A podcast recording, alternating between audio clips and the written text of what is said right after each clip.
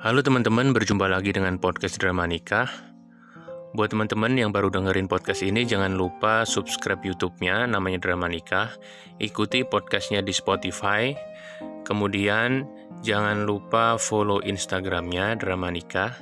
Teman-teman bisa kirim-kirim cerita lewat DM, eh, drama pernikahan kalian. Uh, paling tidak pengalaman kalian bisa berguna lah buat teman-teman yang lain, bisa diambil pelajarannya. Buat teman-teman yang belum menikah juga bisa cerita uh, rencana kalian mau menikah. Gimana sih uh, apa aja yang dihadapi ketika mau menikah? Apalagi sekarang di era pandemi ya.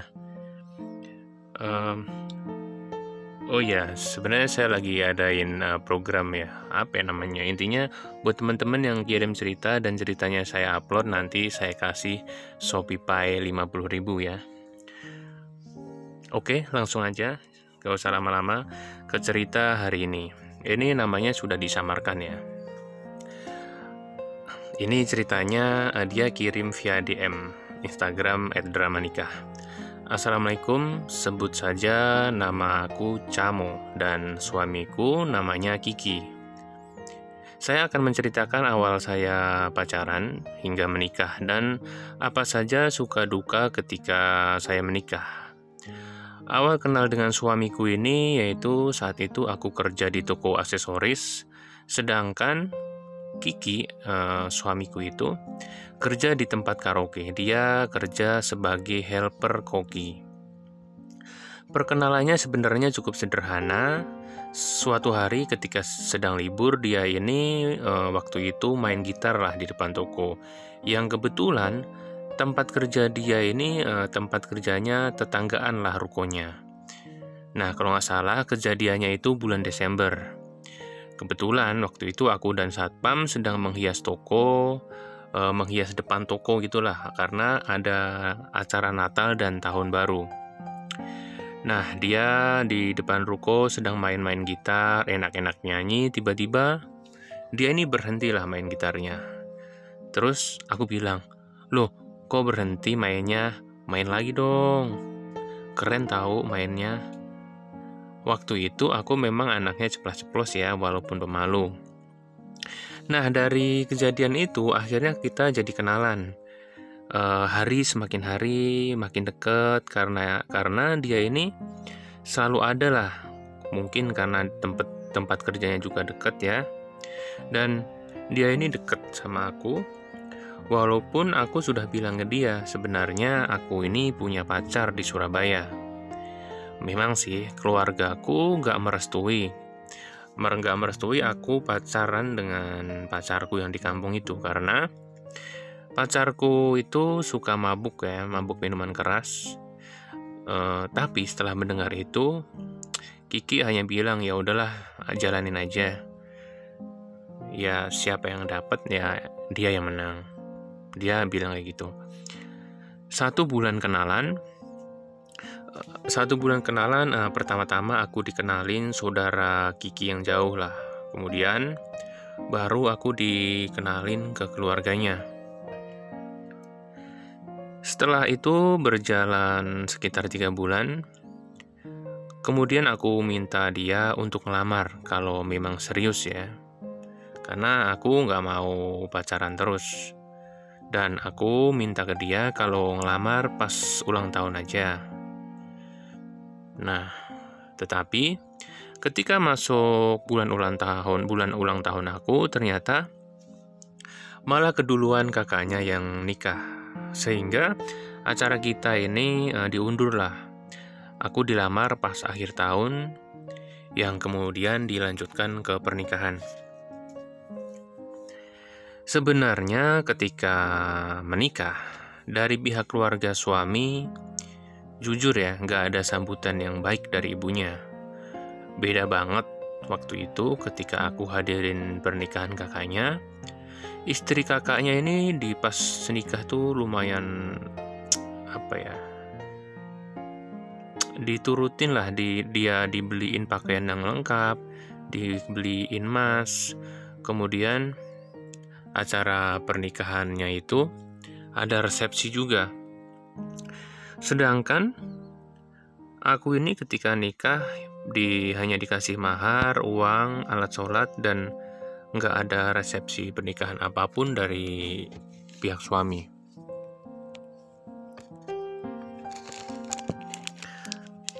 Waktu itu aku sebenarnya berasumsi ya, mungkin mertua kurang suka atau kurang setuju dengan aku karena umur aku ini selisih selisih 10 tahun lebih muda dari suamiku. Asumsi aku kurang lebih seperti itu. Nah, kemudian ketika hamil anak pertama, aku lahiran dengan disesar. Nah, di situ aku tuh sebenarnya sedih ya karena ketika aku disesar banyak orang yang salahin aku ya dari keluarga suami, ada saudara, kemudian tetangga-tetangga, mereka tuh ngomongin uh, aku disalahin lah intinya, katanya panggulnya sempit lah, jadi nggak bisa normal.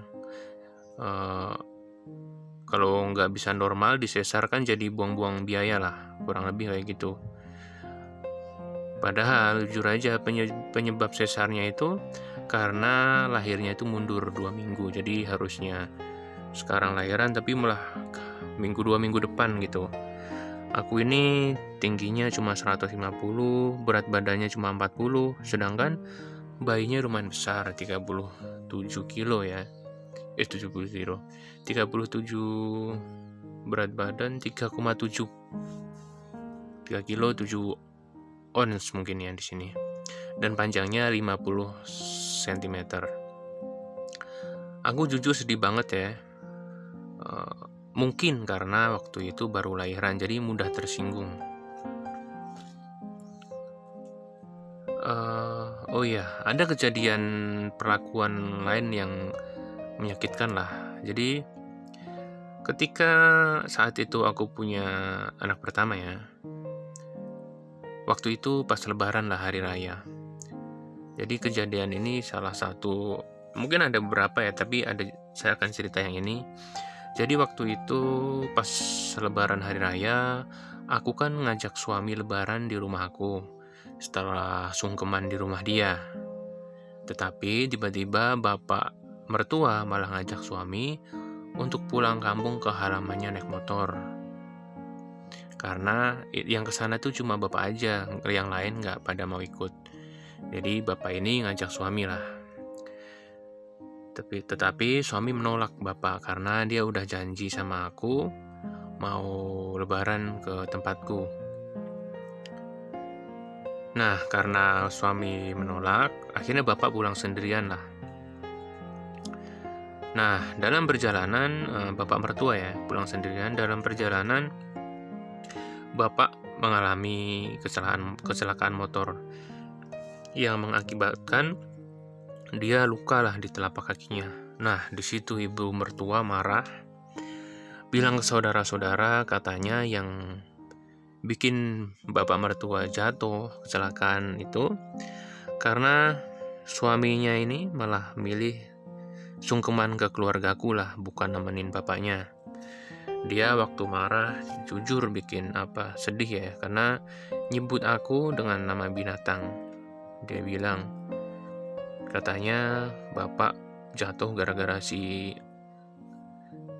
anjing itu gitu. Wah, keras juga ya. Jadi bapaknya itu jatuh gara-gara si anjing tuh. Kalau misalnya suaminya ikut nganter kan nggak jatuh gitu. Mungkin karena kurang lebih kayak gitu ya. Tiga tahun kemudian Oke, tiga tahun kemudian aku hamil lagi anak yang kedua. Yang anjuran dokter aku harus sesar lagi karena sebelumnya seksa sebelumnya sesar ya. Tapi aku paksalah untuk lahiran normal. Demi tidak diomongin keluarga suami dan biayanya biar murah. Karena kalau buang-buang duit untuk sesar tentu aja jadi omongan keluarga lagi dan Alhamdulillah aku bisa lahiran normal. Wih, bisa ya. Sebelumnya sesar tuh bukannya harus sesar lagi ya. Cuma ini uh, bila-bilain banget ya demi nggak di diomongin nggak sakit hati sampai rela seperti ini ya hebat sih cuma bukannya bahaya ya saya kurang tahu ya cuma ini bener-bener ya hidup dalam rumah tangga tuh kayak gitu ya ada aja masalah nah oke lanjut. Ketika aku tahu aku bisa lahir normal mertua serta tetangga yang dulu ngomongin katanya aku nggak bisa normal akhirnya mereka terdiam lah dan mereka bilang oh ternyata nggak sempit ya mungkin karena bayinya dulu itu kebesarannya kata mereka seperti itu oh iya dulu pas pertama aku tinggal di mertua sebenarnya aku ini masak selalu sendiri ya buat sendiri ya karena emang kalau masak di rumah mertua tuh nggak ada yang makan ya. Nggak ada yang mau makan. Paling yang makan cuma suami dan anak. Tetapi semenjak anak kedua, uh, mereka ini baru maulah masak-masakanku.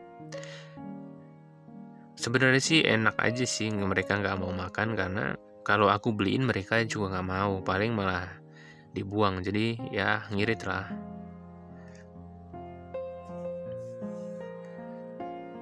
Setelah aku punya anak kedua ini, mertuaku mulai sayang lah, udah mulai menganggap aku dan anak-anakku lah.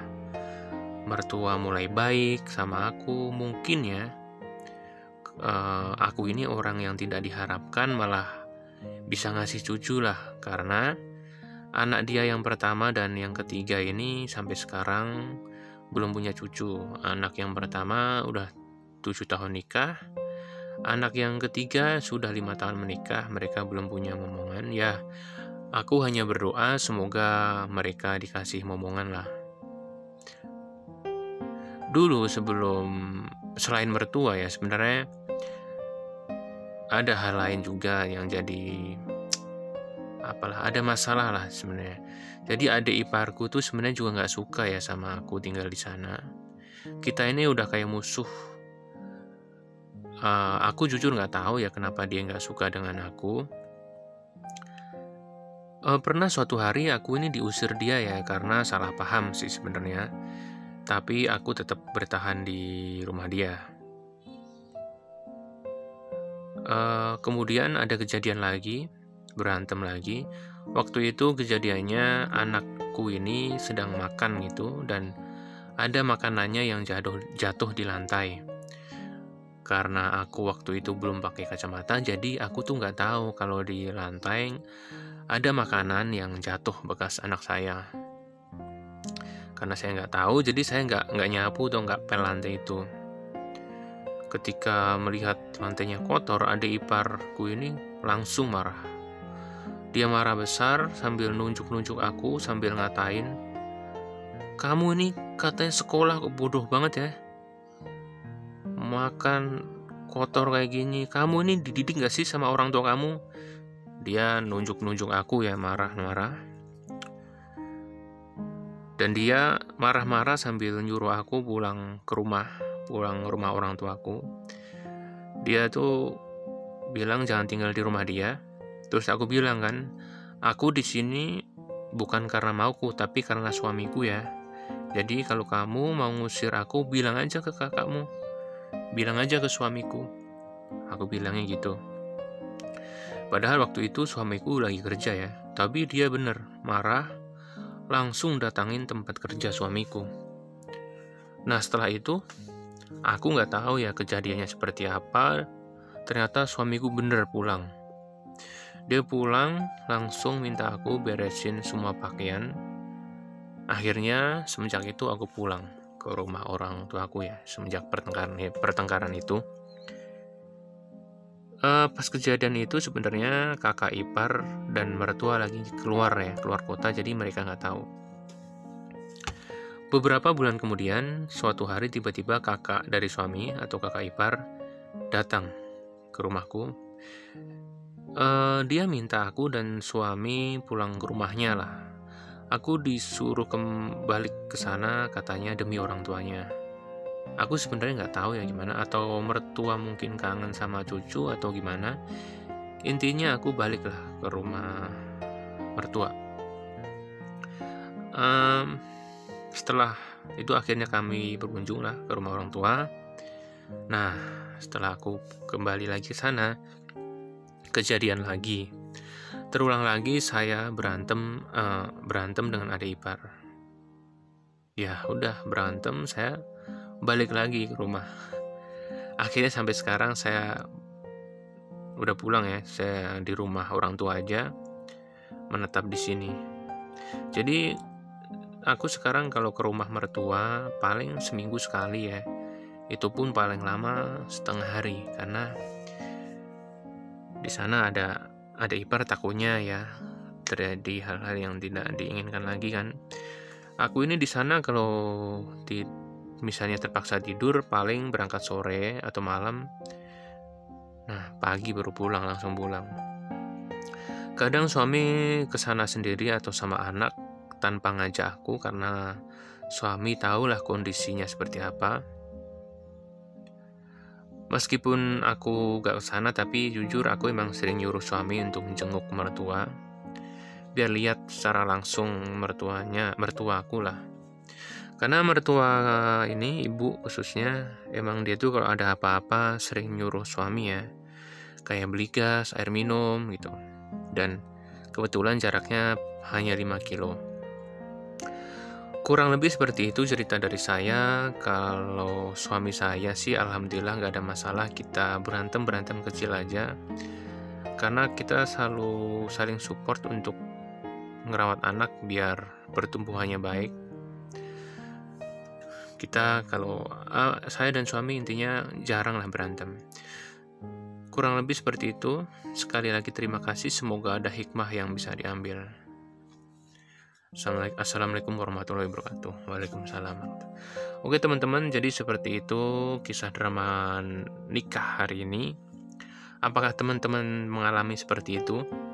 sebenarnya jujur ya kisah-kisah seperti ini tuh kayaknya saya sering denger di kanan kiri lah entah temen atau apa gitu. Bermasalah ada masalah lah dengan mertua dengan adik ipar kakak ipar kurang lebih.